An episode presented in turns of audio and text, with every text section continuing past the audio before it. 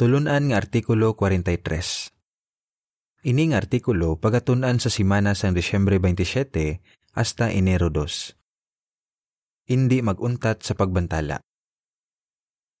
Teksto nga ginbasihan sining artikulo. Hindi kita magpangampo sa paghimo sing maayo.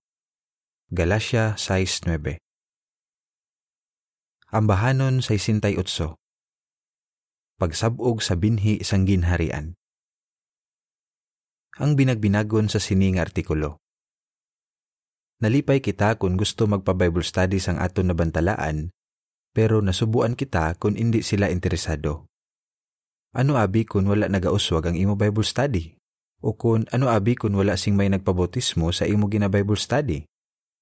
But bala silingon sini nga wala ka nagmadinalagon sa imo pagbantala kag pagtudlo sa iban? Sa sining artikulo, matun-an naton nga bisan anuman ang reaksyon sang aton ginabantalaan, masiling naton nga madinalag-on gihapon kita sa aton pagministeryo kag pwede gihapon kita mangin malipayon. Para po uno, pamangkot. Nga nalipay kita nga mga saksi kita ni Jehova. Kag nga isagid ini kakadungganan. Nalipay gid kita nga mga saksi kita ni Jehova. Kag isagid ini kakadungganan mga katawhan kita ni Jehova. Kag ginapamatud-an naton ini paagi sa pagbantala kag pagtudlo sa iban parte sa iya. Nalipay kita ko nabuligan naton ang may husto nga panimuot sa pagtigayon sing kabuhi nga wala sing katapusan nga mangin alagad ni Jehova. Binuhatan 13:48.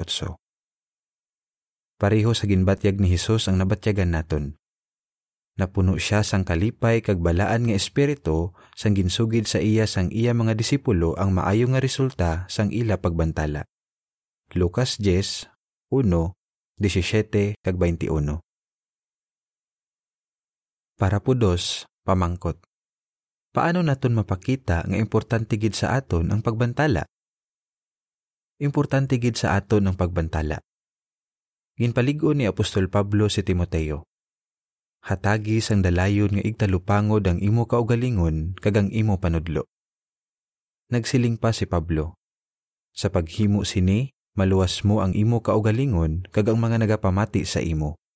Unang Timoteo 4.16 Gani, nagaluwas ang kabuhi ang aton pagbantala.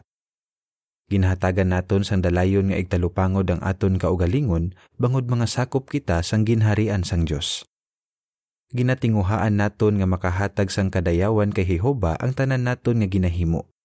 Kag ginaaplikar naton sa aton kabuhi ang maayong balita nga aton ginabantala.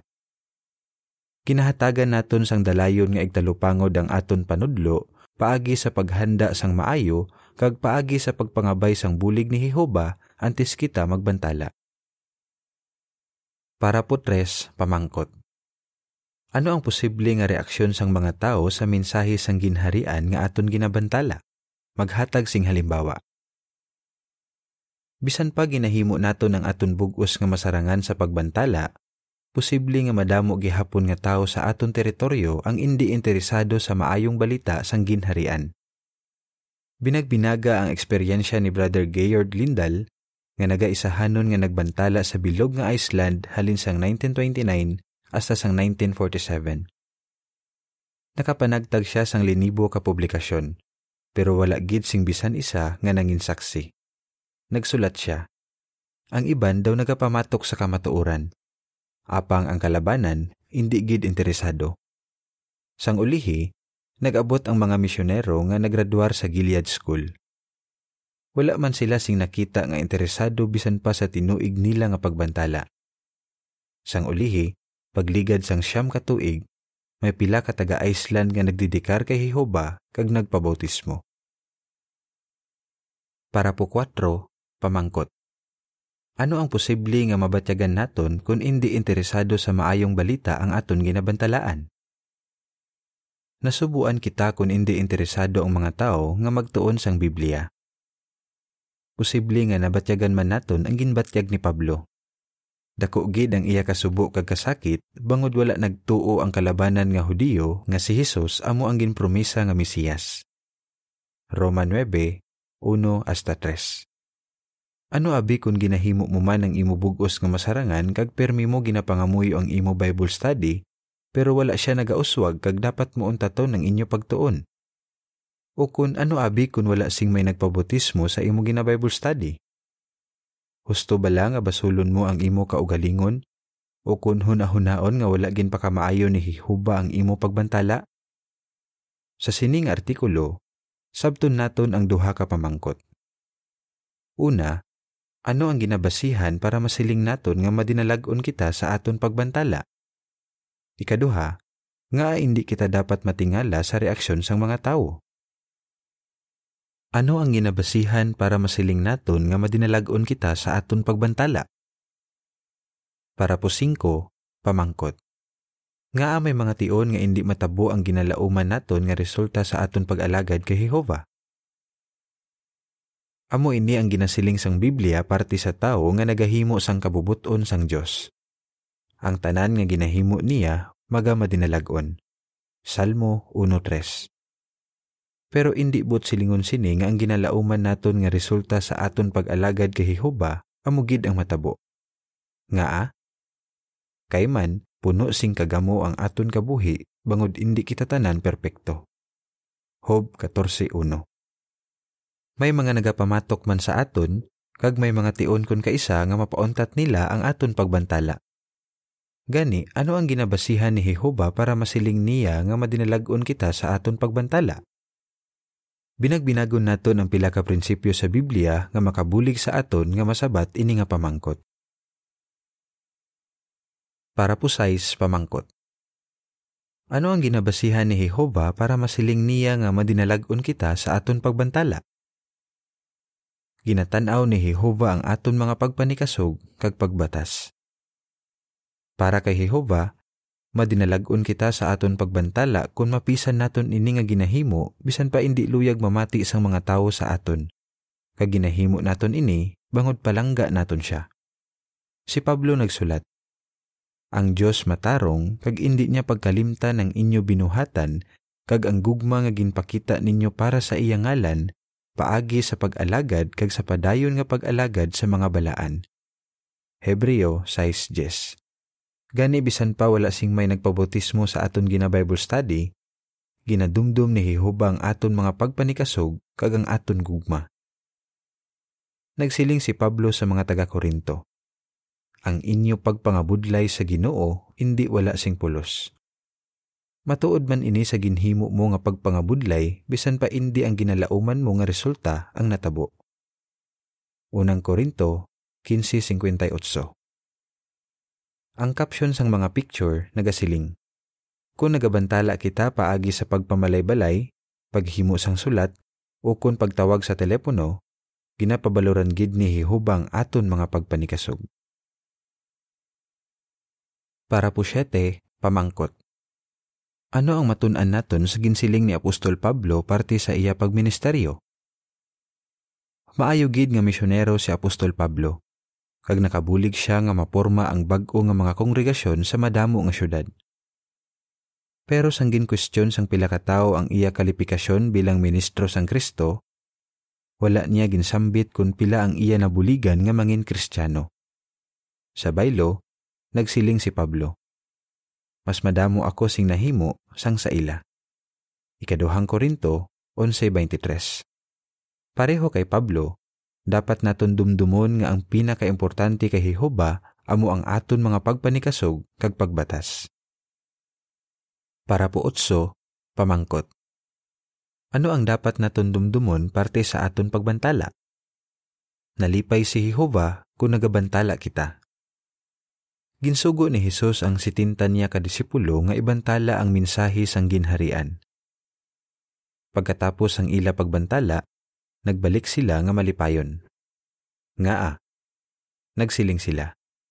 Ginoo, paagi sa paggamit sang imong ngalan, bisan ang mga demonyo nagtuman sa amon.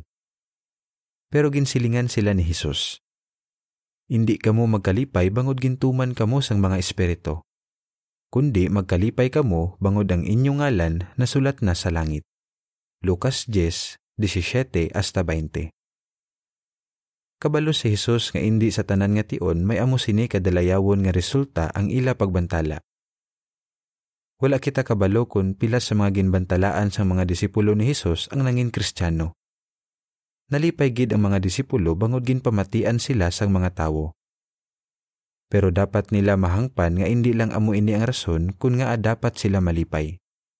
Dapat nila dumdumon nga nalipay si Jehova sa ila mga pagpanikasog kag amo ini ang pinakaimportante nga rason. Para po 9, pamangkot. Suno sa Galacia 6, 7 hasta 9, ano ang mangin resulta kung nagabatas kita sa aton pagbantala? Kung nagabatas kita sa aton pagbantala, mabaton naton ang kabuhi nga wala sing katapusan. Kung ginahimo naton ang aton bugos nga masarangan sa pagbantala kag pagtudlo sa iban, nagasabog man kita para sa Espiritu, kay nagapagiya kita sa balaan nga Espiritu sang Dios. Kung hindi kita magpangampo o kung paglapyon, nagapromesa si Jehova nga hatagan niya kita sang kabuhi nga wala sing katapusan bisan wala sing may nabutismuhan sa aton gina Bible study. Ang Galatia 6, 7 hasta 9 nagasiling. Hindi pagdayai ang inyo kaugalingon. Ang Diyos hindi ninyo madaya kay kun ano ang ginasabog sang tawo, iniman ang iya anihon. Kay ang nagasabog para sa iya unod, magaani sang pagka madinulunton gikan sa iya unod. Apang ang nagasabog para sa espiritu, magaani sang kabuhi nga wala sing katapusan gikan sa espiritu. Gani indi kita magpangampo sa paghimo sing maayo. Kaysa nagakaigo nga tion, magaani kita kung indi kita paglapyon nga hindi kita dapat matingala sa reaksyon sa mga tao. Para po Jess, pamangkot. Nga alain-lain ang reaksyon sang mga tao sa aton pagbantala.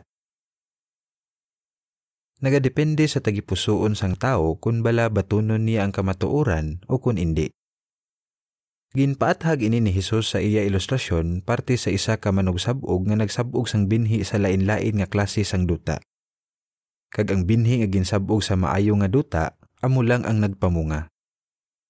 Nagsiling si Hesus nga ang lain-lain nga klase sang duta amo ang mga tawo nga lain-lain ang reaksyon sa pulong sang Dios depende sa ila tagipusoon. Lucas 8, 11 hasta 15. Pareho sa manugsabog, wala kita sing kontrol sa reaksyon sang mga tawo sa aton pagbantala kay nagadepende ini sa ila tagipusoon. Ang aton responsibilidad amo ang padayon nga pagsabog sang maayo nga binhi nga amo ang mensahe sang ginharian. Si Apostol Pablo nagsiling nga ang kada tawo magabaton sing padya suno sa iya binuhatan, hindi suno sa resulta sang iya binuhatan. Unang Korinto 3.8 Para po 11, pamangkot. Para kay Jehova, nga isa ka madinalagon nga manugbantala sang pagkamatarong si Noe. Madamo nga alagad ni Jehuba ang wala ginpamatian sang ila ginbantalaan. Halimbawa, si Noe isa ka manugbantala sang pagkamatarong. Kag posible nga nagbantala siya sing mga 40 o kun 50 katuig. Ikaduhang Pedro 2.5 Posible gid nga naglaom siya nga kuntani may mamati sa iya pagbantala pero wala sing ginsiling si Jehova parte sa mga reaksyon sang mga tawo. Sa baylo, sang ginsugo sang Dios si Noe nga maghimo sang arka, nagsiling siya. Magsulod ka sa arka. Upod ang imo mga anak, ang imo asawa, kag ang mga asawa sang imo mga anak. Genesis 6.18 Kag sang ginsiling sa iya sang Dios kung ano kadako ang arka, mahimo na realisar ni Noe nga jutay lang ang magapamati sa iya kay indi kaigo ang madamo nga tawo sa arka. Pero wala gid sing bisan isa nga namati kay Noe. Para kay Jehova, wala bala nagmandinalagon si Noe sa iya pagbantala? Indi amo sina ang iya pagtanaw. Para kay Jehova, madinalagon si Noe kay matutom niya nga gintuman ang ginpahimo sa iya. Ang caption sang picture sa cover nagasiling. Sa madamo nga tinuig, matutom nga nagbantala si Noe. Pero ang iya lang asawa, mga anak, kang ang ilang mga asawa ang nagupod sa iya sa pagsulod sa arka. Gintuman ni Noe ang ginsugo ni Jehova sa iya. Para po 12, pamangkot. Paano nangin malipayon si manalag na Jeremias sa iya pagbantala, bisan pa wala sing may namati sa iya kagin pamatukan siya? Nagbantala man si manalag na Jeremias sing sobra 40 katuig, bisan pa wala sing may namati sa iya kagin pamatukan siya. Nagduyagid ang iya buot bangod gininsulto siya kag ginyaguta sa mga nagapamatok sa iya. Hag nahunahuna niya nga mauntat na lang sa pagbantala. Jeremias 20, 8 kag 9 pero wala naguntat si Jeremias. Ano ang nakabulig sa iya nga magpadayon kag mangin malipayon sa pagbantala? Nagpokus siya sa duha ka importante nga kamatuoran. Una, ang mensahe sang Dios nga ginsugid ni Jeremias sa katawhan naghatag sa ila sang palaabuton kag paglaom. Jeremias 29:11. Kaduha, gintawag si Jeremias sa ngalan ni Jehova o kung ginpili siya ni Jehovah nga magsugid sang iya mensahe sa katawhan. Nagahatag man sang paglaom sa katawhan ang ginasugid naton nga mensahe sa ila. Kag ginatawag man kita sa ngalan ni Jehovah bilang iya mga saksi. Kung magpokus kita sa sining duha ka importante nga kamatuoran, padayon kita nga mangin malipayon anuman ang reaksyon sa mga tao sa aton pagbantala. Para po 13, pamangkot. Ano ang matun-an naton sa ilustrasyon ni Jesus sa Marcos 4, 26 hasta 29?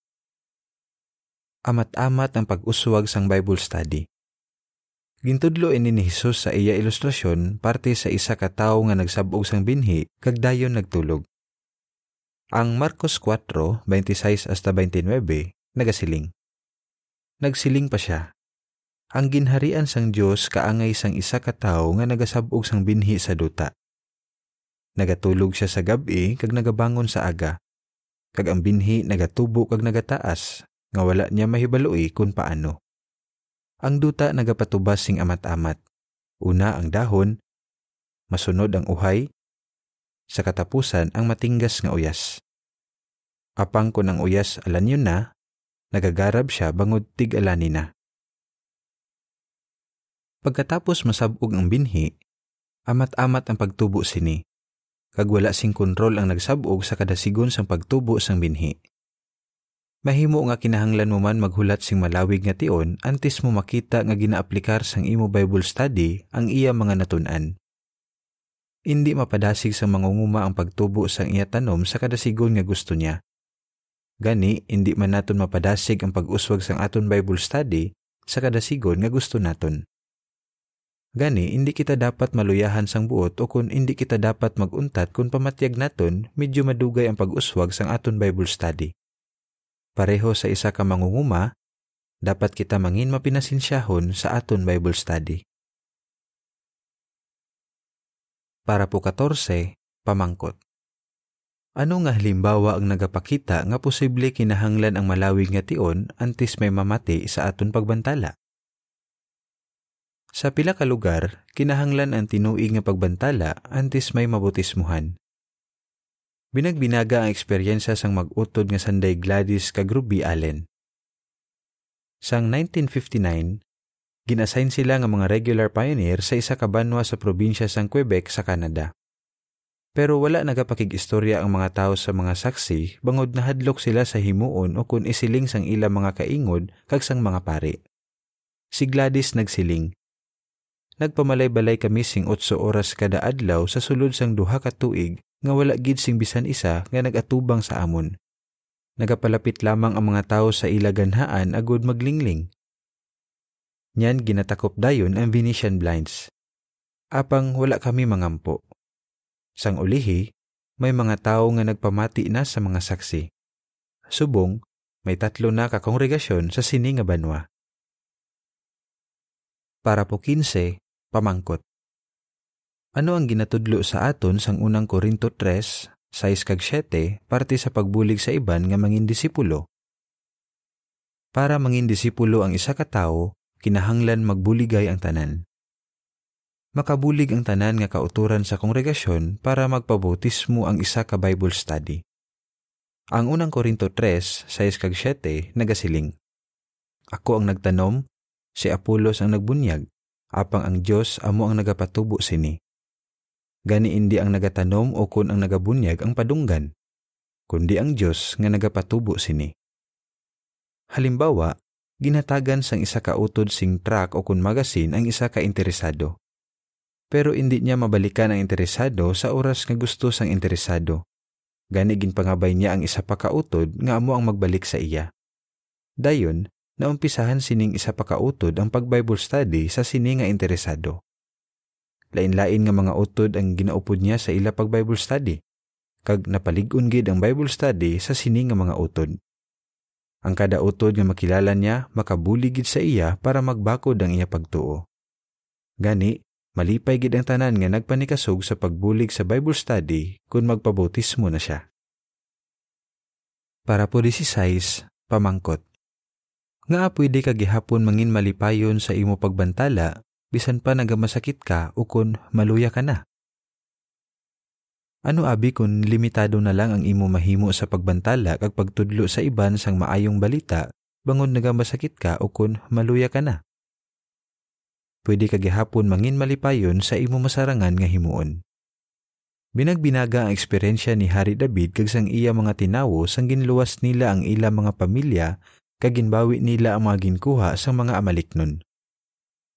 Kinapoy gid ang 200 sa iya mga tinawo Gani nagpabili na lang sila para bantayan ang ila mga dala. Napierde ni David kag iya mga tinawo ang mga amaliknon. Kagin panguha nila ang mga kasapatan kag pagkabutang sang ila mga kaaway. Dayon nagmando si David nga tungaon ini sang mga nagpakig-away kag sang mga nagpabilin. Pareho man sa sini ang aton pagbantala kag pagtudlo sa iban nga ginahimo sa bilog nga kalibutan. Posible nga limitado na lang ang imo mahimo sa pagbantala kag pagtudlo sa iban. Pero kung ginahimo mo ang imubugos nga masarangan, may rason ka gihapon nga mangin malipayon sa kadation nga may interesado nga gusto magpa-Bible study kag magdesisyon nga magpabautismo. Para po 17, pamangkot. Nga nagapasalamat kita kay Jehova. Nagapasalamat kita kay Jehova kay palangga niya kita kag ginapabaluran niya ang aton pag-alagad sa iya. Kabalo siya nga hindi naton mapilit ang mga tao nga magpamati sa aton o kung magsimba sa iya. Pero nakita niya ang aton mga pagpanikasog kagang aton maayo nga mga motibo. Kani, ginapadyaan niya kita. Ginatudluan man niya kita kung paano kita mangin malipayon sa paghimo sang aton bugos nga masarangan sa pagbantala. Makasalig kita nga nalipay gid ang Dios kung indi kita maguntat sa aton pagbantala. Ano ang imo sabat? Ano ang posible nga mabatyagan naton kung hindi interesado ang mga tao sa aton ginabantala? Ano ang ginabasihan para masiling naton nga madinalagon kita sa aton pagbantala? Nga hindi kita dapat mag-focus sa kadamuon sang aton nabuligan nga magpabautismo. Ambahanon 67. Ibantala ang pulong. Diri natapos ang artikulo.